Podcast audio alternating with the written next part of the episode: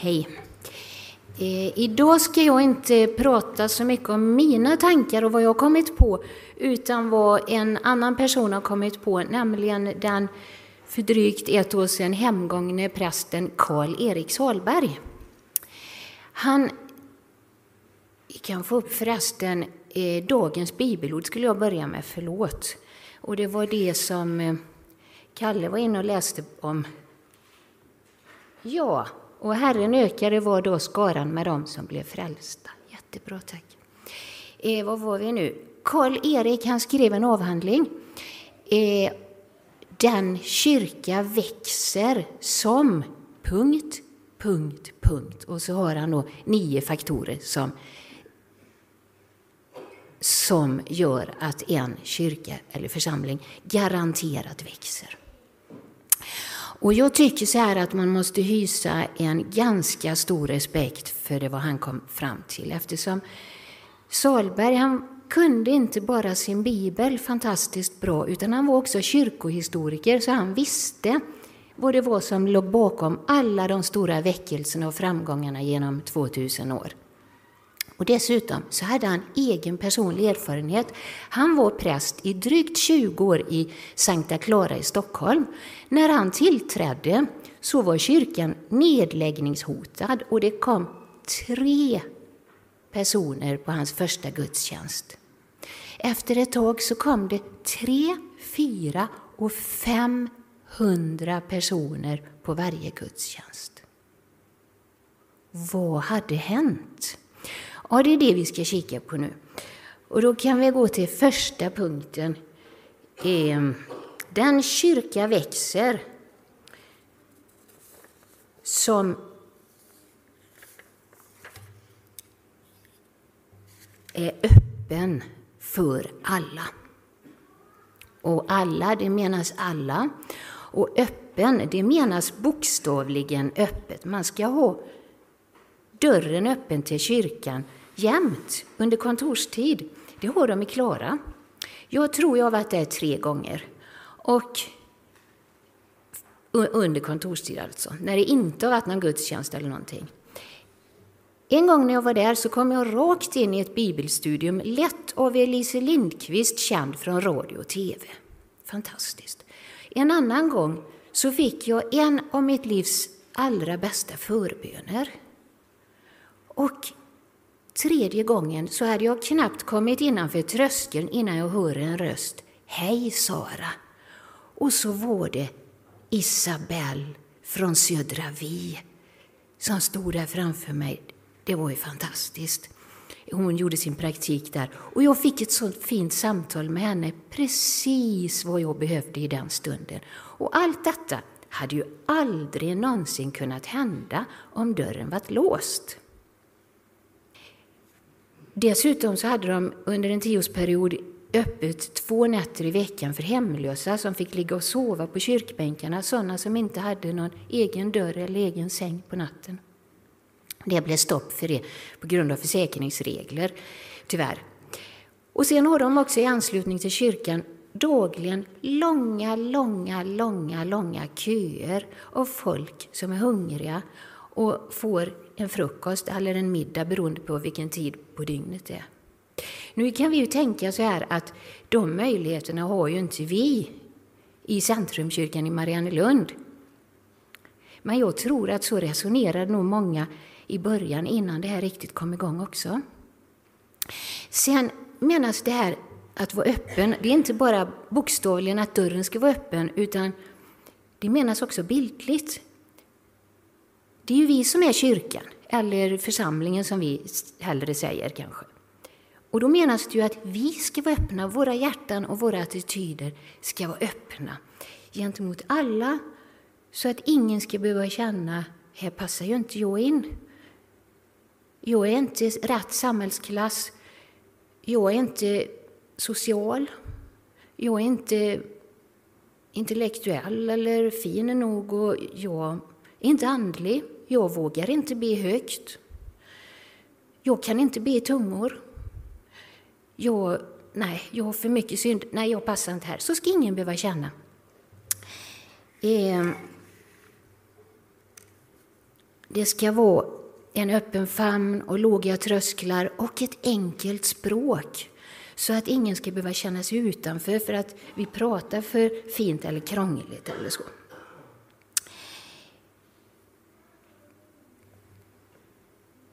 Ja, jag glömde ju att citera bibelordet. Allt detta därför att Gud vill ju att alla människor ska bli frälsta och komma till insikt och kunskap om sanningen.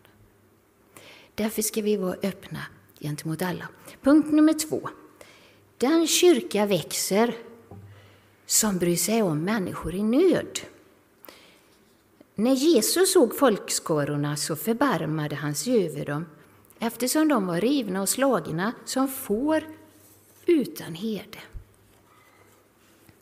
Om man nu vill eh, vända sig mot alla, om man vill vinna alla, då ska man faktiskt inte egentligen vända sig till alla i första hand, faktiskt. Man ska vända sig till de som är mest eh, utslagna och mest tilltufsade av alla. Och på det sättet vinner man de andra också. Intressant. I Klara gick de ut och sökte upp eh, drogmissbrukare och hemlösa och prostituerade. Och med tiden vann man många där, men också även andra kategorier så att säga. Kungen och Silvia och prins Carl Philip, de kom och engagerade sig och delade ut medaljer, en till Karl-Erik och en annan medalj till en annan medarbetare där i Klara. Och Carl Philip delar ut mat i den här matkön som jag pratar om. Och det här hade alltså antagligen inte hänt om man hade gått till slottet och knackat på med traktater och grejer. Men nu såg de där uppe att här var någonting äkta. Det såg de i det här diakonala arbetet. Och så blev det så. Det var en ung kille i Colombia som hade det så bedrövligt hemma så han rymde hemifrån. Och det blev ju inte bättre livet på gatan, utan han mådde väldigt dåligt. Men en gång kom det en pastor och brydde sig om honom och tog med honom till en pingstkyrka. Killen satte sig längst bak, för han var pinsamt medveten om att han var inte så fräsch. Jag hade inte tvättat mig på flera veckor. Hela jag stank. Men folk kom fram och kramade om mig. Och det var en typ av kramar som jag inte hade fått av min mamma och pappa. Den här killen blev en av vår tids allra största evangelister och vann tusentals med tungt kriminellt belastade män i Colombia. Vi vet inte när vi möter någon vad Gud har tänkt med den människan. Vi tänker som vi gör. Han eller hon eller de skulle bli en sån tillgång för Centrumkyrkan. Ja, det är mycket möjligt, ja. Men Gud utväljer ibland, ganska ofta, det som i världen ingenting är. Punkt nummer tre. Den kyrka växer som har en kärleksfull gemenskap. Om ni har kärlek till varandra ska alla se att ni, att ni är mina lärjungar. Citat Jesus. Folk kommer inte för predikan. Folk kommer för gemenskapen. Jag tycker om att få ett hej i kapprummet och när någon frågar hur är det med Anders, det är min man, när han inte varit med på ett tåg. Och när någon kommer och sätter sig bredvid mig på kyrkfikat. För ett tag sedan så kom Bodil och Magnus och Henrik. De är inte här idag och hör. Men de satte sig bredvid mig och jag blev så glad, för vi hade inte pratat med varandra så mycket innan. Och vi fick ett jättefint samtal och jag tycker om när folk är så öppna för lite nya kontakter och nya vänner. En gång kom det en predikant hit. Han ställde sig här där jag står och så sa han Jesus intresserade sig för människor. Han brydde sig om vad de hette, var de kom ifrån och vad de hade på hjärtat. Och sen gick han in i fikarummet råka vägen fram till ett bord där det satt en ensam invandrarfamilj och så sa han Hej, vad heter ni? Var kommer ni ifrån? Jag lade märke till det för jag var på väg till samma bord samtidigt. Och jag blev så glad och imponerad att han gjorde precis som han lärde. Och jag såg ju på den här familjen att de verkligen uppskattade att han satte sig just vid deras bord. Jag har ett bra exempel till. I en annan församling som jag besökte en gång så var det en ung kille som predikade. Han var väl knappt över 20 någonting. Och på första raden så satt en annan ung kille ensam. Och killen på första raden, han hade Downs syndrom. Så jag tror att han kanske inte fick ut så jättemycket av själva predikan. Men när predikanten hade sagt amen så avslutade han liksom med att titta på killen på första raden och ge honom en sån där god liten blinkning. Liksom lite så. Och killen gensvarade ju direkt. Jag såg att han blev glad. Jag tror att han kände sig, som vi brukar säga med ett fint ord, inkluderad. Jag tror att han kände att han var med, att han var sedd, att han var med i gemenskapen. Och eh, ja, det var typ lite kärleksfulla gemenskaper här. Och det förstår man ju att folk tycker om. Eh, nummer fyra. Den kyrka växer som sätter den bibliske Jesus i centrum.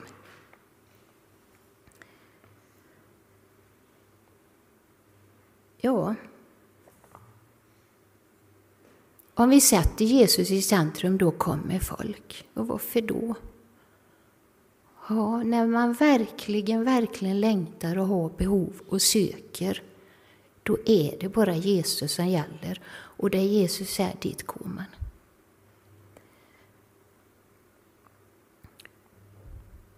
Förra söndagen, tror jag det var, så predikade Torulf och sa någonting i stil med att om Jesus, han sa mycket, men bland annat om Jesus, honom som vi tror på och som vi väntar på att ska komma med sitt rike i sin fulla kraft. Och för lite sen så predikade Samuel om att Jesus är vår tröst, den enda trösten ungefär som är värd att söka. Och Åke, det var ganska nyligen som du sa att Jesus är vårt hopp. Jättebra. Jättebibliskt. Och vi sjunger om Jesus. Vi sjöng, eller åtminstone kören sjöng, eh, är om Jesus som dog för oss och uppstod. Precis, detta är bibliskt. Och jag skulle kunna tänka mig ännu mer Jesus på gudstjänsterna, typ fler personliga vittnesbörd. Det är ju genom sånt ofta som man liksom förstår att Jesus är på riktigt. Här och nu och idag och han kanske kan göra det för mig också eller någonting annat när man hör personliga vittnesbörd. Sen är, kanske det avskräcker att eh, den som står här och pratar blir filmad. Jag funderar på om man kunde kringgå det på något sätt och hålla, köra lite pausmusik och rikta kameran till på eller något. Det kanske inte går, men det vore roligt om vi kunde lösa det, tycker jag. Och jag skulle inte ha något emot att vi hade lite mer Jesus inne i fikarummet, att vi pratar om Jesus när vi drack kaffe. Det är vi rätt ovana vid. Vad har Jesus gjort för under i ditt liv sen förra veckan? Det kunde ju liksom bli ett samtal. Tala om alla hans under, står det ju i Bibeln. Och då kunde vi ju göra det också. Punkt nummer fem. Den kyrka växer som lever ett rent liv. Gud har ju inte kallat oss till orenhet, utan till ett liv i helgelse, står det.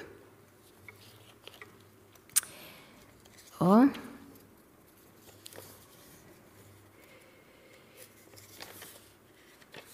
Jag kan inte komma på en enda viktig grej som man kan få utan att samtidigt avstå från något annat. Man gifter sig, man köper ett hus, man utbildar sig. Och då får man samtidigt eh, offra en del andra alternativ. Man har inte råd eller tid för hur mycket som helst och man har inte rätt att gifta sig med mer än en per gång. Och hemma hos oss är det så här att om jag stoppar min smörkniv i Anders smör han har en egen smörask. Då är det inte bra eftersom han är glutenallergiker. Och då kan det ju komma en smula från min, eh, från min macka på, i hans smör och då blir han sjuk. Och då eh, i längden, om jag håller på sådär, så kan det ju äventyra vår relation. Det kan ni ju föreställa er. Så jag måste vara jätte jättenoga och jag anpassar mig och gör så. Lite surdeg syrar hela degen och lite pytte, pytte, pytte lite mjöl, vetemjöl förstör hela limpan. Och samma är det ju med Jesus. Det är vissa saker som, om jag gör det, håller på så, då riskerar jag relationen med Jesus. Jag kanske gör bort mig och faller 70 gånger 7 dag efter dag efter dag. Det finns förlåtelse. Men om jag envisas och framhärdar och gör det jag vet är fel och påstår att det är rätt, då riskerar jag min relation med Jesus. Alltså avstår jag från det. Och då undrar ni förstås, vad då för saker? Jag hade faktiskt tänkt att sätta upp ett bibelord här om de sakerna, eller ja, sådana saker. Men jag gör inte det. För jag vågar inte det. Jag är lite rädd för hur ni skulle uppfatta det. Och om någon nu säger att det var fegt, då svarar jag ja, det var fegt. Det köper jag, jag är feg. För egentligen skulle vi ju våga prata om och, och visa bibelord om sådana viktiga saker som helgelse, som är en så stor och viktig del i vårt liv och som faktiskt har en avgörande betydelse för om folk kommer eller inte. Ehm, det står i Centrumkyrkans församlingsordning om de här sakerna. Ja, det, det, står förresten i Bibeln också om det. De första kristna församlingarna diskuterade mycket om vad som var rätt och fel. Det kan man se. Och de ställde frågor för de tyckte att nu när vi har blivit kristna och börjat leva ett nytt liv, hur ska vi nu förhålla oss till det och det och det? Vad är det som gäller? Och Paulus tog upp det här och talade om för dem så att de kunde ju läsa Bibeln direkt, det kan vi också göra. Och i, vår, i, i Centrumkyrkans församlingsordning, där står det att det, så ska vi också hålla på. Ett levande samtal om vad som är rätt och fel utifrån Guds ord gör att vi blir medvetna om vad som är rätt och fel. Och detta hör till omsorgen om varandra. Så står det. Nu citerar inte jag exakt ordagrant, men nästan ordagrant. Och då kan vi inte vara så fega så vi ens inte vågar citera bibelord. Eh, Solberg sa så här, nu ska ni höra här. Det är ingen hemlighet att jag har en konservativ äktenskapssyn. Men jag har i alla fall fler homosexuella på mina gudstjänster än någon annan. Så sa han. Det var öppet och rakt. Och jag tycker det är en väldig trygghet när någon är så öppen och rak. Då vet man ju var man har honom. Oavsett vad folk tycker, si eller så, så tycker jag det är rätt skönt. Och ska vi ha det här levande samtalet så måste vi, vara, så måste vi öva oss lite i öppenhet om sånt där. Nu kan man ju fråga sig varför det skulle attrahera folk att vi levde ett rent liv. Jag gissar att det har någonting med tryggheten att göra. Ungefär som när man har en alkoholfri zon. Det är en trygghet för väldigt många. Nummer sex. Den kyrka växer som vågar lida för sin övertygelses skull. Saliga är ni när människor hånar och förföljer er och ljuger och säger allt ont om er för min skull citat Jesus. Jag var rätt ung när jag blev frälst och då gick jag på en, en eh, folkhögskola. Och det blev en sån stark reaktion så jag fick en hel lektion på mig att försvara min tro. Och det gjorde jag ju så gott jag kunde. Men jag tyckte ju inte att alla av mina klasskamrater var så där värst trevliga och snälla på den lektionen. Så när jag gick därifrån så var jag lite ledsen och lite arg och uppgiven. Men nu tänker jag vad dum jag var. Jag fick ju ett litet tillfälle med att jag fick åtminstone lite hån, som det står i Bibeln, att, att det är bra. Hur ofta får man sådana tillfällen egentligen? Jag skulle helst önska, om jag fick önska, så skulle jag önska så här. Jättemånga blev frälsta och troende här i Mariannelund med omnejd. Och så kom de till oss och så blev det proppfullt här och alla var så glada. Och vi fick bygga en ny kyrka för att alla skulle få plats. Och så kom vi med betidning. Och så kom lokalradion och så kom Riksradion och Rikstv och Godmorgon Sverige och alla kom och skrev om oss och de var så positiva och imponerade. Detta skulle väl vara ett drömscenarium. Det tycker jag i alla fall. Men eh, det är inte säkert att det skulle bli så. den första kyrkan i Jerusalem som Kalle läste, där var ju folk positiva. Väldigt positiva till, till församlingen. Men tänk på alla församlingar som är förföljda. Och det är ju de som växer. Så man var tvungen att välja antingen väckelse eller en slags respekt i samhället. Då hoppas jag att jag skulle ha mod och med glatt hjärta kunna välja väckelsen. För jag tror inte att vi kan räkna med bägge. Punkt nummer sju. Den kyrka växer som söker Gud i bön. När de hade slutat att be skakades platsen när de var samlade och de uppfylldes alla av den heliga Ande och predikade frimodigt Guds ord. När de bad skakade marken under deras fötter. Fantastiskt. Vi ber ju måndagar och tisdagar här och så på söndagar förstås och i hemgruppen och privat. Vi kunde be ännu mer. I Klarakyrkan var det en tjej Eh, hon var praktikant och hon var från den här jättestora församlingen i Seoul i Korea. Där bor hon två timmar om dagen. När hon hade varit i Klara ett tag så sa hon Jag har märkt att ni ber alldeles för lite i den här kyrkan. Okej? Okay. Okej, okay, sa Karlberg. Vi, ses, vi, vi ordnar det. Vi ses på tisdag nästa vecka. Börjar vi be tisdag. Varför inte imorgon? sa tjejen och så blev det så. Och så fort vi började be två timmar per dag så började nästan allt i vår församling att växa.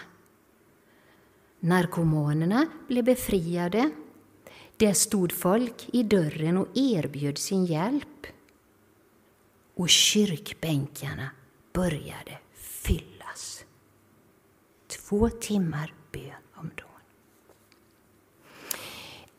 Anders och jag besökte en annan Svenska kyrkakyrka i somras, nämligen eh, Valda på västkusten. Eh, och där har de bön varje tisdag klockan sju.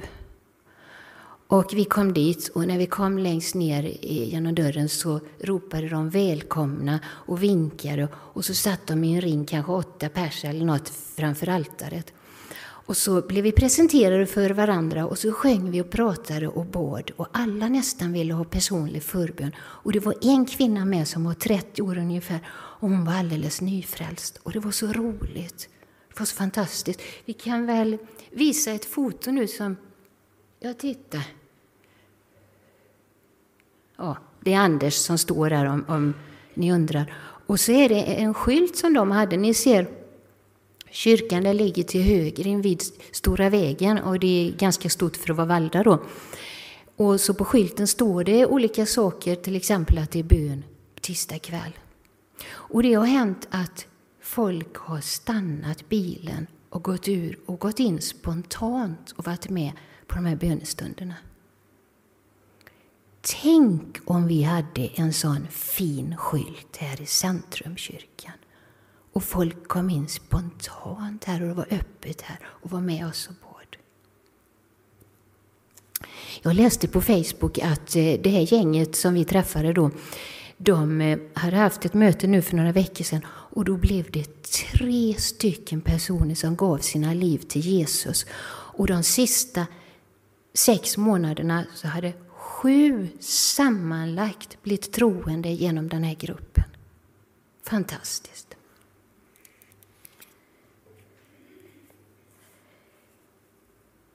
Punkt nummer åtta. Den kyrka växer som använder lekmän. Och lekmän det är ju inte män som leker, det vet vi, utan det är män och kvinnor som jobbar utan lön och utan speciell eh, utbildning och så. När de såg hur frimodiga Petrus och Johannes var och märkte att de var olärda män ur folket blev de förvånade. Men så kände de igen dem och kom ihåg att de varit tillsammans med Jesus. I Klarakyrkan så är det en 87-årig före detta missbrukare, psykfall och prostituerad som under 25 års tid har gått ut varje fredag för att söka upp prostituerade eh, tillsammans med sitt team. Fantastiskt! Det skulle ingen människa kunna trott om henne eh, tidigare när hon själv hade det svårt innan hon blev troende. Och så har de eh, en före detta hemlös invandrare som startade upp hela, det här, hela den här matutdelningen som jag pratade om och som är kanske den största eldsjälen och har jobbat stenhårt i alla år för det här. Sen har de en vaktmästare som samtidigt är bibellärare och han är en före detta mördare. Och nu kan det ju hända att vi i Centrumkyrkan inte har tillgång till så mycket fint och kompetent folk. Men vi har i alla fall en fantastisk verksamhet med så många olika saker och det kunde jag prata länge om. Jag tänkte jag skulle räkna upp, men jag vågar inte om jag skulle glömma något. Men det finns fortfarande plats för folk och man kan ju starta nya verksamheter. Det som är bra, alltså man måste ju ha såklart avlönad personal, det, det är ju självklart, men det som är bra med volontärer det är ju att man kan ha hur många som helst. Det kostar ju ingenting.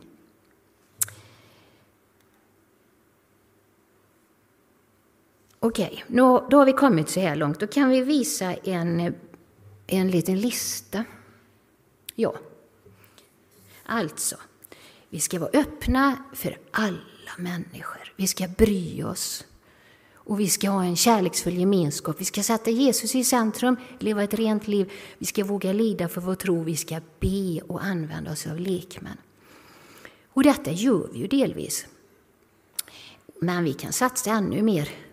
Och hur blir det då? Ja, det kan ju bli på olika sätt. Det kan ju bli jättejobbigt så att vi helt enkelt ångrar oss och får lägga ner. Sånt händer. Det kan också bli jättepositivt och jättetrevligt och jättebra så att den värsta studiecirkel och brukshundsklubbsförening blir avundsjuka på oss. Men det kan också växa till någonting som vi kanske inte ens har vett att be om eller kan föreställa oss.